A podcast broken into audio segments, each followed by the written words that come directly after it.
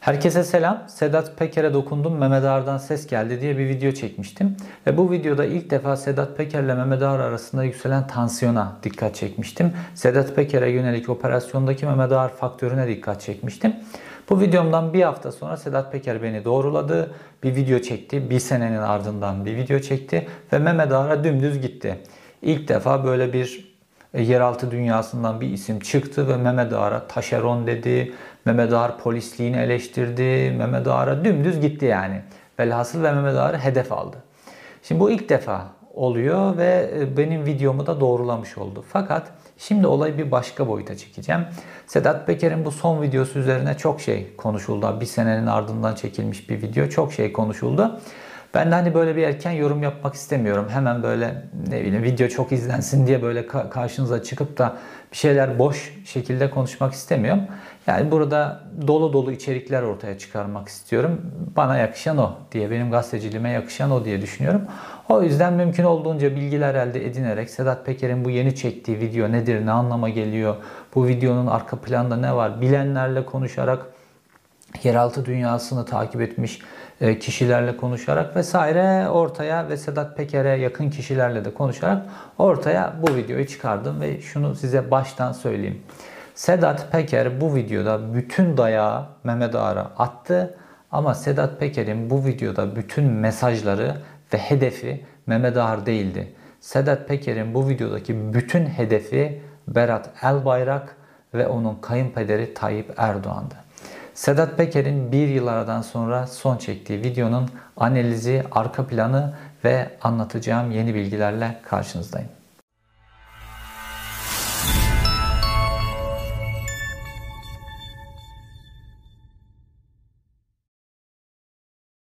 Kanalımı takip edenler biliyor. Ben Sedat Peker'i yakından takip ediyorum. Daha doğrusu yeraltı dünyasının figürlerini yakından takip ediyorum. Çünkü 80'lerden sonra Türkiye bir kez daha yeraltı dünyasıyla siyasetin iç içe girdiği bir dönem yaşıyor. Tayyip Erdoğan'ın şu an geçirmiş olduğu, ülkeyi getirmiş olduğu nokta bu.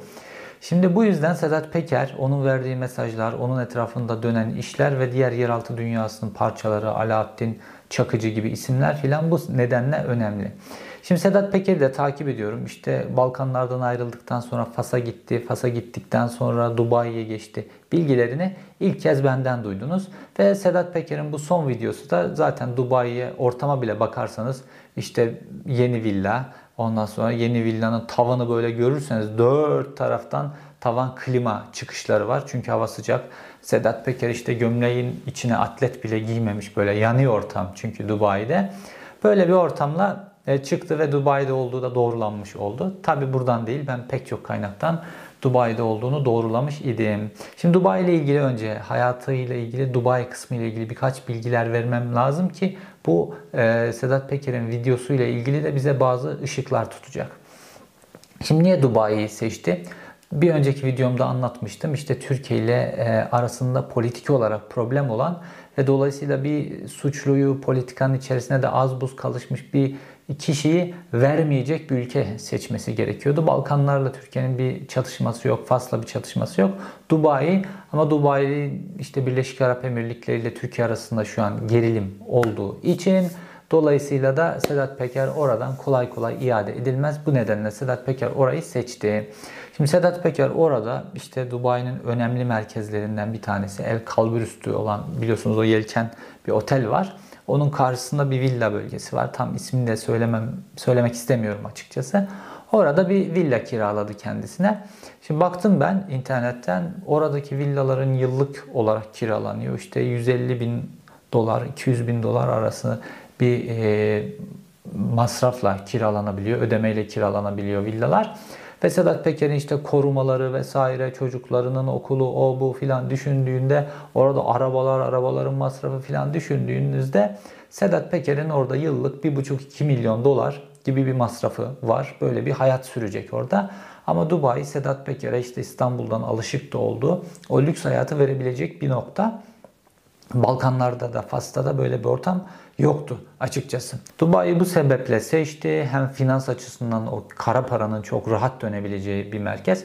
Bütün yeraltı dünyasının kara parasının aklandığı merkez Dubai'dir aslında bakarsan. Ana merkez Dubai'dir. Bununla ilgili işte çeşitli her sene yayınlanan raporlar var. İşte mafya ile ilgili raporlar, yeraltı dünyası ile ilgili raporlar, uyuşturucu ile ilgili raporlar, Europol'un filan yayınladığı raporlar. Bunların hepsine baktığınızda bu para işi Dubai'de aklanır. Fakat Dubai kendisini bu tip böyle kriminal işlerin içerisine sokmaz. Sadece bunların parasını aklar. Dolayısıyla Sedat Peker'in o döndüreceği parayı ondan Dubai'de işte döndürmek çok daha kolay doğru bir merkeze gitti. Bu açıdan da finans açısından da doğru bir merkeze gitti. Şimdi Sedat Peker'in bir de masası var.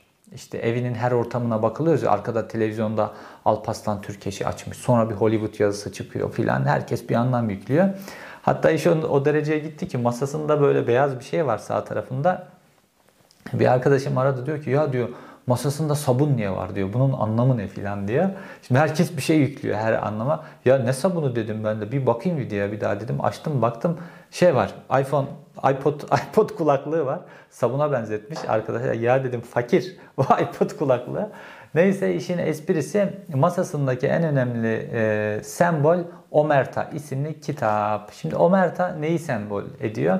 Omerta işte biliyorsunuz İtalya kaynaklı çok köklü bir gelenek. Ee, aslında bir yönüyle sivil itaatsizlik olarak ortaya çıkmış bir gelenek.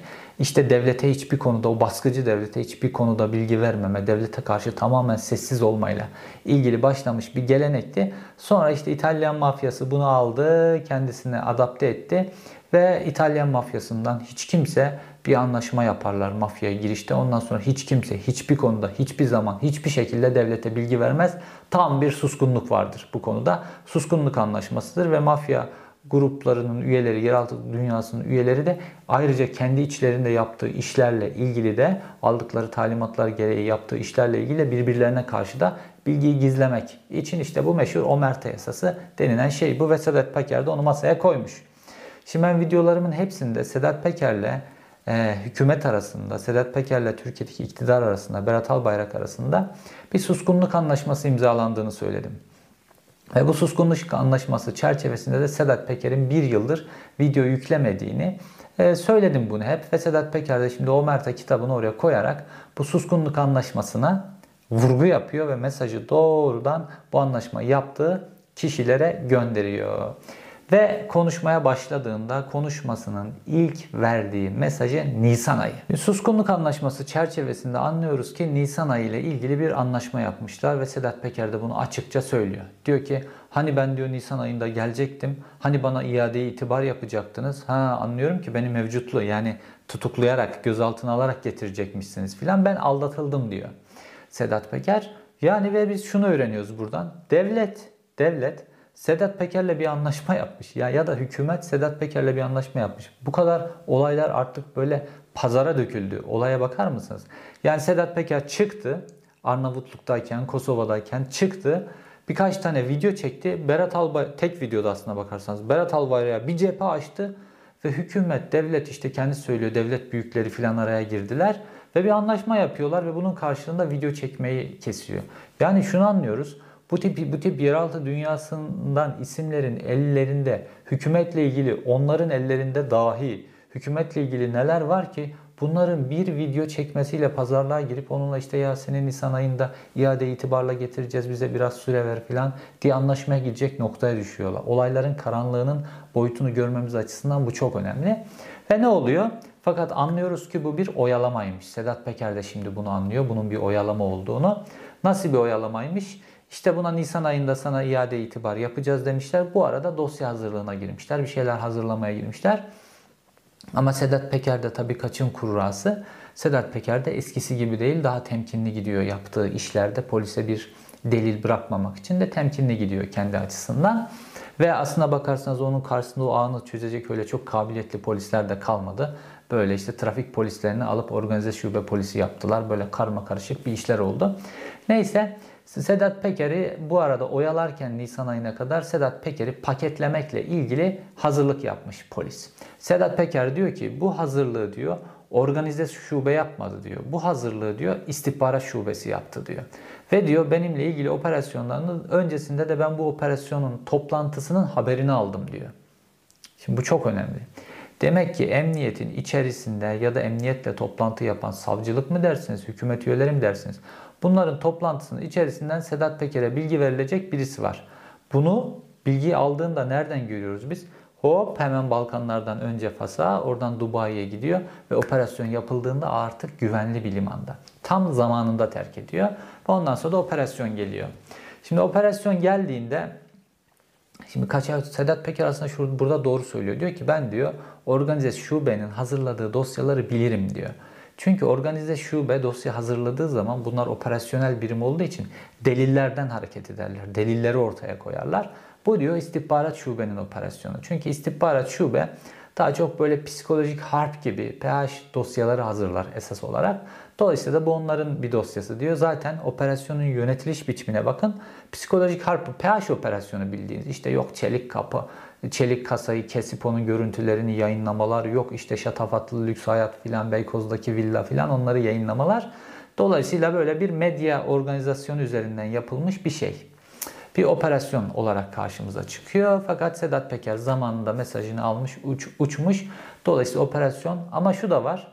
Bu bir PH operasyonu bile olsa Sedat Peker biliyor ki bu düzende, bu Tayyip Erdoğan işte vesaire bir ülkenin şu anki düzeninde e, bir yakayı kaptırırsan dosya doluymuş, boşmuş, delil varmış, yokmuş filan e, anlatana kadar ömrün, senelerin cezaevinde geçer. Bunu bildiği için tedbirli davranıyor. Şimdi burada Sedat Peker 3 iki önemli kesimden bahsediyor. Bunlardan biri diyor ki bana bu operasyonu Mehmet Ağar ve Pelikan çetesi yaptı diyor. Şimdi Mehmet Ağar'ı anladık. Mehmet Ağar, Mehmet Ağar. Pelikan çetesi ne demek? Pelikan çetesi demek Berat Albayrak demek. Yani Berat Albayrak demiyor. Ee, Sedat Peker hala o suskunluk anlaşmasını Omerta kitabını da oraya koyarak tam olarak bozduğunu, tam olarak bir hala bir anlaşma noktasında olduğunu göstermek açısından Berat Albayrak demiyor. O ta bir sene önce çektiği videoda açıkça Berat Albayrak isim vererek hedef alırken bu sefer o noktadan daha temkinli bir noktada Pelikan çetesi diyor. Ama biz biliyoruz ki işte Pelikan grubu, Bosporus Global denen bunların bir şirketleri var. Boğaz'da yalıları var biliyorsunuz. Bunlar Albayrak ailesinin kontrolünde işte iki Albayrak kardeşin kontrolündeki bir grup. Ve Berat Albayrak, e, Pelikan dediğiniz zaman Albayraklar anlaşılır. Ve dolayısıyla da diyor ki bunun arkasında Berat Albayrak var. Zaman kazandılar Nisan'a kadar ama operasyonuna devam ettiler. Sözlerini tutmadılar. Demek ki Berat Albayrak'ın Sedat Peker'le olan kan davası devam ediyor. Ve burada e, Sedat Peker Mehmet Ağar'a yönelik şöyle bir mesaj veriyor. Defalarca. Diyor ki taşeron diyor. Bu işin taşeronluğunu yaptı diyor Mehmet Ağar.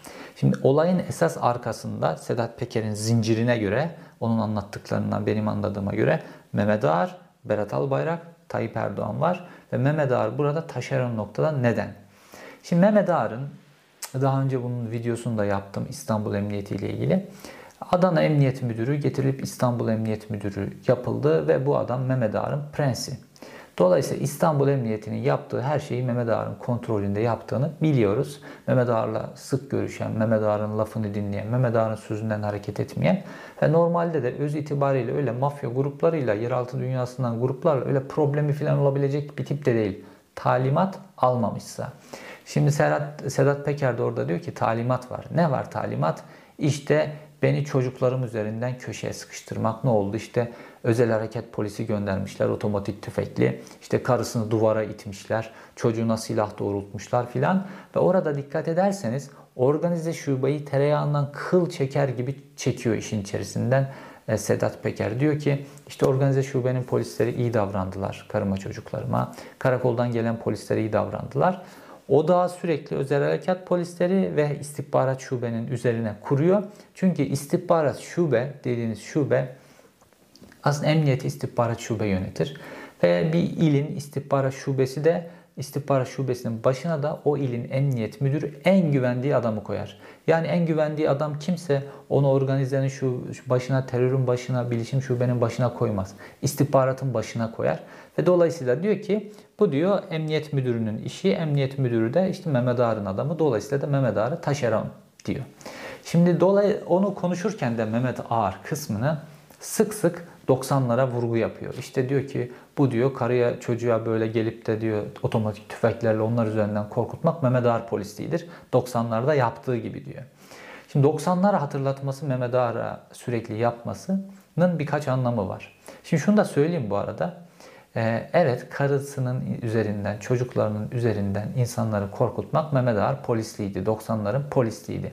Fakat o zaman Kürtlere işte bu yapılırken kimsenin sesi çıkmıyordu. Sen dahil sesin çıkmıyordu. Hatta alkışlıyordun Sedat Peker. Ama şimdi sen çocuğuna yapılınca diyorsun ki ya işte PKK'lı bile olsa yapmamak lazım filan diyor. Diyor işte kendisine dokununca hadise. Çocuk herkesin çocuğu. Neyse ee, Mehmet Ağar'la ilgili derin devlet vurgusunu çok yapıyor. Derin devlet vurgusunu neden yapıyor? Ve 90'larda bize yaptırılmak istenen ve yaptırılan diye bir kelime kullanıyor. Mehmet Ağar diyor ki Oğlum diyor biz 90'larda seninle birlikte işte bu işleri yaptık, beraber yürüdük.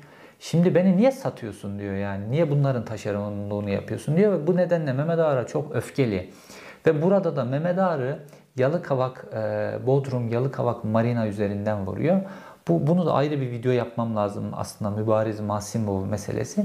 Çünkü orada hakikaten milyar dolarlık Mübariz Masimov'un e, mülküne çöktüler. Ve Mehmet Ağar'ın ulaşamayacağı bir zenginlik bu. Ve Mehmet Ağar da buraya çöktüğünü de göstermek için işte yanına Alaaddin Çakıcı'yı aldı, yanına Korkut Eken'i aldı, yanına Engin Alan'ı aldı ve kendisi e, Yalıkavak Marina'nın girişini arkalarına ara, alarak bir fotoğraf çektirdiler. Bu fotoğrafın videosunu da yapmıştım.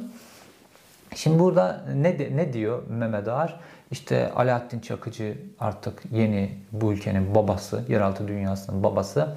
Ben eski İçişleri Adalet Bakanı ve Emniyet Genel Müdürü olarak onun yanındayım. Fotoğraf karesine giriyor. Korkut Eken eski işte e, özel harekat polisi, MIT görevlisi, MIT onun yanında. Engin Alan eski general, o da onun yanında. Asker, MIT, Emniyet, İçişleri Bakanlığı biz hepimiz bunun yanındayız diye fotoğraf verdiler. Ve buranın üzerinden vuruyor Sedat Peker de onu. Hem Marina'ya nasıl el koyduklarının hikayesini anlatacağını söylüyor bir sonraki videoda. Yani Ağar'a diyor ki senin diyor pisliğin çok 90'lardan başlayarak ve bugün yaptığın pislikler önce diyor bu bugün yaptığım pislikleri ortaya dökerim diyor. Fakat 90'lara da atıf yapıyor. Bana bize yaptırılan ve yaptırılmak istenen şeyler olarak çok şey biliyor ve ben hani Sedat Peker hani böyle sürekli delikanlılık üzerinden vurgu yapıyor ya. Ya bir şey anlatacaksan şu 90'lardan itibaren bu devlette kirli ne işler yaptı, ne işler yaptırılmak istendi. Bunları anlat. Bunları anlatırsa o zaman olay bir noktaya gider. Hakikaten bu adam konuşuyor diye düşünürüz biz. Fakat Sedat Peker'in bu 9 videoda konuşup konuşmayacağıyla ilgili kısma daha sonra geleceğim. Şimdi önce bir şu Mehmet Ağar kısmını bir derinleştirelim. Ağar vurduğu bir diğer noktada Tolga Ağar oğlunu, oğlunun üzerinden vuruyor. Çünkü Tolga Ağar Mehmet Ağar'ın zayıf noktası. Şimdi Tolga Ağar'ın böyle yok işte Tayyip Erdoğan'a Allah'la benzetme yapmış filan o, o, o sözler üzerinden vuruyor ama Tolga Ağar esas, esas olarak çok yakın zamanda uçkuru nedeniyle işte ismi bir cinayet meselesine de karıştı. Bir kadının öldürülmesi meselesiyle nedeniyle ve oradan tereyağından kıl çeker gibi çıkartıldı. Ve Mehmet Ağar ilk defa Tayyip Erdoğan'a çok büyük bir koz verdi burada. Ve Tayyip Erdoğan da işte oğluyla ilgili o meselenin nasıl kapatıldığına ilişkin bütün bilgiler şu anda Tayyip Erdoğan'ın elinde var. İstediği an açar ve aslında Mehmet Ağar pek çok güç grubuna buradan çok büyük bir e, koz verdi. Daha önce hep söylüyorum böyle böyle çok böyle baskıcı böyle otoriter tiplerin çocuklarına da aynı o baskıcılığı, otoriterliği yaptıkları için çocukları zayıf olur. Tolga Arda böyle zayıf birisi ve böyle bir işe bulaşıp babasınınla ilgili çok büyük bir koz verdi. Şimdi bu koz aynı zamanda da Sedat Peker'in de elinde. Tolga Ar'ın ismini böyle alakasız biçimde işte Allah benzetmesi falan üzerinden geçiriyor ama esas mesele bu. Bu önemli bir koz. Mehmet Ağar'la ilgili Sedat Peker'in elinde. Şimdi Sedat Peker orada Mehmet Ağar'la ilgili organize suç örgütü diye bir tanımlamada bulunuyor. Suç örgütü olarak niteliyor Mehmet Ağar'ı.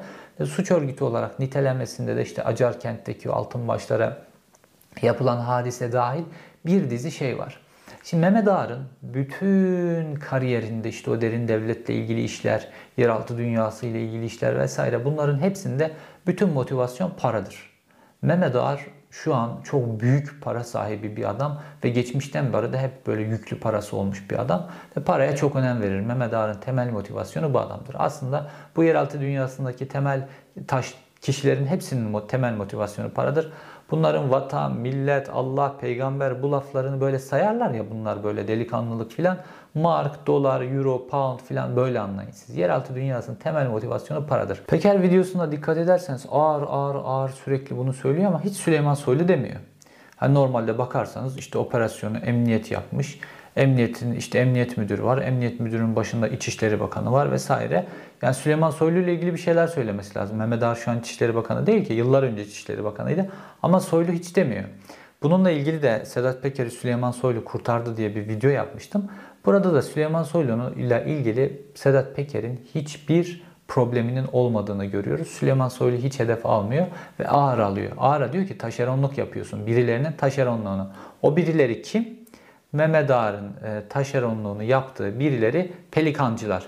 Pelikancılar dediği kim? Berat Albayrak ve Tayyip Erdoğan. Dikkat ederseniz bu videoda diğer videolarında olmadığı kadar işte Allah, peygamber, mezhep, Ebu Hanife, sünnet, ondan sonra evliyalar o kadar çok bahsediyor ki dini vurgular o kadar çok var ki çünkü bu video hedeflerinden bir tanesi Tayyip Erdoğan rejimi, İslamcı bir rejim ve onlara sürekli diyor ki ya bu diyor Kur'an'da mı var diyor, bu sünnette mi var diyor, çocuğuma bunu yaptınız bu Kur'an'da mı sünnette mi var, söz verdiniz Nisan filan tutmadınız. Sürekli böyle bir dini referanslarla ilgili bir vurgu var.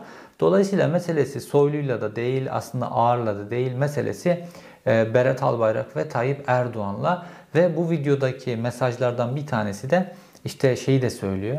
E, AK Parti'ye destek verdiğini de söylüyor. Neler yaptım, ne açıklamalar yaptım filan diyor.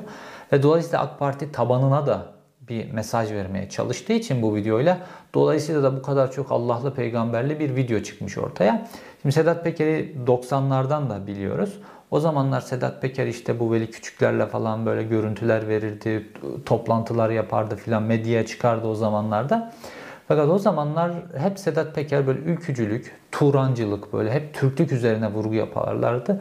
Ve belki işte 28 Şubat'ın da getirdiği şeyler var böyle kimse din, dini terminoloji kullanmak istemiyordu. Böyleydi hep. Bu Ergenekon yargılamaları sürecinde de böyleydi Sedat Peker. Fakat bugüne geldiğimizde bir anda bakıyorsunuz terminoloji tamamen dini terminolojiye dönmüş. Sonunda bir kez bir kere Turan'ı kuracağız arkadaşlar filan deyip geçiyor. Bu kadar. Türklük, Türkçülük esas terminoloji din üzerine. Çünkü diyor ki beni diyor İslamcı bir hükümet, İslamcı bir iktidar hedef alıyor. Esas olarak sen de Mehmet Ağar biz 90'larda seninle birlikte yürümüştük. Bunların taşeronluğunu yapma diyor. Bak diyor seninle ilgili benim elimde çok şey var. 90'larla ilgili de, bugünle ilgili de, yat limanı, Acarkent, o bu bir sürü iş. Bunların hepsini konuşacağım. 8-9 tane video yapacağım. Bunların taşeronluğunu yapma. Şimdi Sedat Peker şunu hesaplıyor. Diyor ki Tayyip Erdoğan'ın emniyette bir gücü yok. Berat Albayrak'ın da emniyette bir gücü yok. Emniyette gücü olan Mehmet Ağar şu an diyor. Ve bunu da biliyor. Bu da büyük e, bir oranda doğru. Mehmet Ağar'ın prensleri şu an emniyetin en kilit noktalarını istihbarat, terörle mücadele, kaçakçılık organize gibi bütün kilit noktaları ve Türkiye'nin önemli illerinin hepsinin emniyet müdürlüklerini ele geçirmiş durumdalar ve Tayyip Erdoğan'la Mehmet Ağar arasında bu konuda bir işbirliği var. Tayyip Erdoğan bu işi Mehmet Ağar'a ihale etmiş durumda. Mehmet Ağar onun adına onun hedef aldığı kişilerin hepsinin üzerine gidiyor. Bunlardan bir tanesi de işte Berat Albayrak'ta Sedat Peker hedef aldı. Dolayısıyla Mehmet Ağar onun üzerine de gidiyor. Yani işi taşeronlaştırmış, ihale etmiş. Bunu yapıyor. Sedat Peker de diyor ki ya tamam hepsine eyvallah da bana yapma. Biz 90'larda beraber yaptık. Derin devletse ben bu derin devletin göbeğindeydim diyor. Ama Mehmet Ağar'a karşı da güçlü olduğunu söylüyor. Bunu neyle? Çok ince bir mesajla veriyor. Diyor ki ya diyor sen öyle Pipo Pro içiyorsun diyor. Fular takıyorsun filan diyor. Bu Pipo e, Pipo, e, Fular ondan sonra Pro meselesi Mehmet Ağar'ı e, karikatürize etme meselesi. Diyor ki geçmişte diyor birkaç tane polis, birkaç tane başçavuş, birkaç tane de subayın yaptığı işleri diyor kendine ihale ediyorsun diyor. Şimdi derin devlet meselesinde Sedat Peker'in en başarılı olduğu yönlerden birisi devlet kısmından kendisine koruma alabilmek ve bunu işte 90'lı yıllarda da Veli Küçük'le yanaşarak yaptı ve orada de, devleti, derin devleti de tanıdı Sedat Peker ve biliyor ki Türkiye'de derin devlet dediğimizde esas olarak askerlerdir bunun e, odağındaki nokta. Dolayısıyla da diyor ki ya sen diyor beni bitireceğim diye emniyette filan toplantılar yapmışsınız diyor. O toplantıların filan masanın ortamını bile anlatıyor neredeyse. Ben diyor bunu haber aldım. Nereden haber alıyor? Veli Küçük tarafından yani esas e, derin devletin çekirdeği diyebileceğimiz taraftan. E, işte Süleyman Soylu'yu da belki şimdi onlara katabilirsiniz. Dolayısıyla diyor ki ben diyor esas diyor çekirdekte ben vardım diyor. Sen diyor kenardaki bir adamdın diyor. Veli Küçük esastır çünkü o meselelerde. Dolayısıyla da diyor yani derin devletse mesele göstereceğiz. Kim daha derinmiş filan bunu göstereceğiz. Mehmet Ağar'a diş gösteriyor ve şunu biliyor Sedat Peker. Mehmet Ağar'ın devlette gücü olabilir ama artık devlette bir adam değil, emekli bir adam. Mehmet Ağar'ın Alaaddin Çakıcı gibi gruplarla, mafya gruplarıyla ilişkisi olabilir ama tam içerisinde değil. Mehmet Ağar'ın parası olabilir ama Sedat Peker'in de parası var. Ama Mehmet Ağar'ın sokakta böyle direkt operasyon yapacak böyle adamı yok. Emniyet Genel Müdürüyken, İçişleri Bakanı iken filan devletin görevlilerini kullanarak bunu yapıyordu. Ama sivillerden böyle gücü yok. Ama Veli Küçük'ün var. Mesela Sedat Peker bunlardan bir tanesiydi. Mesela Danıştay Baskını'ndaki Alparslan e, bunlardan bir tanesiydi. Dolayısıyla e, sivil kullanıp Mehmet Ağar'ı bastırabilir. Mehmet Ağar'a bir şeyler yapabilir Sedat Peker ve bu dişlerini gösteriyor. Mehmet Ağar'ın böyle bir gücü yok. Şimdi bunu Alaaddin Çakıcı üzerinden elde etmek istiyor ama Alaaddin Çakıcı da Mehmet Ağar için bu yaştan sonra bir başka grupla çatışmaya girip girmek isteyip istemez mi bilinmez. Şimdi Peker'in orada vurgu yaptığı bir diğer noktada bu Goebbels meselesi. Şimdi diyor ki işte biliyorsunuz Hitler'in propaganda bakanıydı. Diyor ki siz diyor bu istihbarat operasyonu ile böyle evimin kapısını kırdınız. Yok lüks yaşantımı falan gösteriyorsunuz. Bu diyor Goebbels yöntemleri. Goebbels'in propaganda düşmanlarını yok etme yöntemleri diyor. Ben diyor 21 yaşında diyor bu Goebbels'in kitaplarını diyor getirttim Almanya'dan diyor. Türkçe'ye çevirdim diyor. Onları okudum. Bunun bütün taktiklerini biliyorum. Şimdi enteresan bir kesişme var burada. Şimdi Tayyip Erdoğan ve Tayyip Erdoğan'ın propagandasını çok başarılı biçimde uzun yıllar yapan 15 Temmuz'da hayatını kaybeden Erol Olçok. Erol Olçok da Goebbels'in hayranlarından bir tanesiydi. Ve onun böyle bütün o kitaplarını filan okup onun taktiklerini Tayyip Erdoğan'ın seçim stratejisi haline getirdi. Tayyip Erdoğan'ın propagandası haline getirdi. Başucu kitabıydı yani. Hatta Tayyip Erdoğan'ı da etkilemiş olacak ki Tayyip Erdoğan bir gün e, işte başkanlık sistemine daha Türkiye geçilmemiş. Başkanlık sistemiyle ilgili bir şey sorulurken Ondan sonra Hitler'le ilgili bir de orada soru soruyor gazeteci. Diyor ki işte Hitler de bir süre sonra böyle yapmak istemişti filan. Tayyip Erdoğan diyor ki yo diyor Hitler öyle yapmamıştı ki diyor filan. Orada Hitler'i çalıştığını gösteriyor ve enteresan biçimde bu böyle çok güçlü olmak isteyen adamlar böyle biraz da böyle mafyatik Külhan Bey adamların bir Goebbels hayranlığı var böyle. 20'li yaşlarda kitaplarını okuyorlar, başucu kitabı yapıyor kim kimisi filan. Böyle bir hayranlıkları var. Neden acaba demeyeceğim ama siz nedenini zaten biliyorsunuz Goebbels'in ideolojisi nedeniyle. Bir diğer mesele de bu akit meselesi. Akit ve ulusal kanal meselesi ona vurgu yapıyor. Diyor ki benim diyor bunların diyor yazı işleri müdürleri diyor beni abi kardeş falan gibi olduğumuz insanlardı diyor. Ama şimdi diyor bunlar diyor hepsi benim aleyhime yazdılar diyor. Bunu anca diyor Pelikan çetesinin gücüyle olur diyor. Yani şunu söylemek istiyor. Al bayrakların gücüyle olabilir medya dünyasını da komple Serhat Albayrak yönettiği için bu ülkede dolayısıyla bunun gücüyle olabilir. Berat Albayrak onu kullanmıştır demek istiyor. Ve fakat oradaki o mesaj yani oradaki bize ulaşan bilgi önemli. Ulusal kanalla da aydınlıkla da yazı işleri müdürleriyle abi kardeş gibiymiş. Şimdi baktığınızda ulusal kanal işte e, tamamen e, apayrı bir uçta, sol böyle çok uzakta, ondan sonra dinle, imanla filan ilişkileri olmayan bir taraf. Diğer taraf akit, radikal İslamcı filan falan. Ama Sedat Peker'in ikisiyle de böyle arası çok iyi. Ya aslında bir akit videosu da yapmak istiyorum ama bunların aslında ikisinin hiçbirisinin birbirinden farkı yok. İkisi de bunların aslında birbirinin aynı. Böyle akitin de dinle, imanla falan hiç bilgisi yoktur. Akitin patronlarının aslında bir portresini yapıp size anlatmam lazım ama başka videoların işi. Şimdi konuyu toparlayalım. Şimdi Sedat Peker bu videoyu çekti de hükümetin cevabı ne oldu? Burası önemli. Şimdi Sedat Peker pazar günü bu videoyu yayınladı ve dedi ki Mehmet Ağar'la Pelikan çetesi bu operasyonu yaptılar, evimi bastılar falan filan diyor. Şimdi bu videoda hedef gösterdikleri isimlerin başında Mehmet Ağar ve Tolga Ağar geliyor. Ertesi gün pazartesi sabah Tolga Ağrı Adalet ve Kalkınma Partisi yeni bir görev verdi. Ve bütün Marmara bölgesi işte oy deposunun olduğu yer Marmara bölgesinin koordinatörlüğüne getirdiler Tolga Ağrı. Yani Tayyip Erdoğan dedi ki Ey Sedat Peker sen Tolga Ağrı, Mehmet Ağrı hedef alıyorsun. Bak ben bunları daha da arkalarındayım. Daha da bunları destekliyorum ben. Ve Tolga Ağrı bütün AK Parti'nin Marmara bölgesi koordinatörlüğüne getirdiler. Dolayısıyla Sedat Peker'e cevabı, cevapları bu oldu. Yani sen bizi 7-8 tane yeni video, 8-9 tane yeni video ile tehdit ediyorsun. Biz bu şantajı, tehdidi yemiyoruz diye cevap verdiler. Şimdi ta, normalde Sedat Peker'in bu videodaki stratejisi şuydu.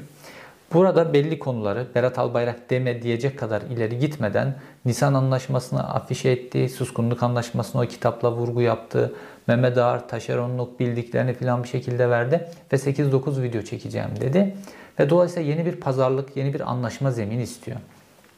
Çünkü bu adamlar böyle bildikleriyle ilgili böyle konuşmazlar yani. Böyle 90'larda ne yaptığını, şimdi neler yaptığını, hükümetle nasıl pazarlıkların içerisine girdiğini filan bunların detaylarını öyle öyle çok konuşacağını, anlatacağını filan beklemeyin. Şimdi Sedat Peker yeni bir pazarlık istiyor. Diyor ki bak bunları bunları bunları biliyorum.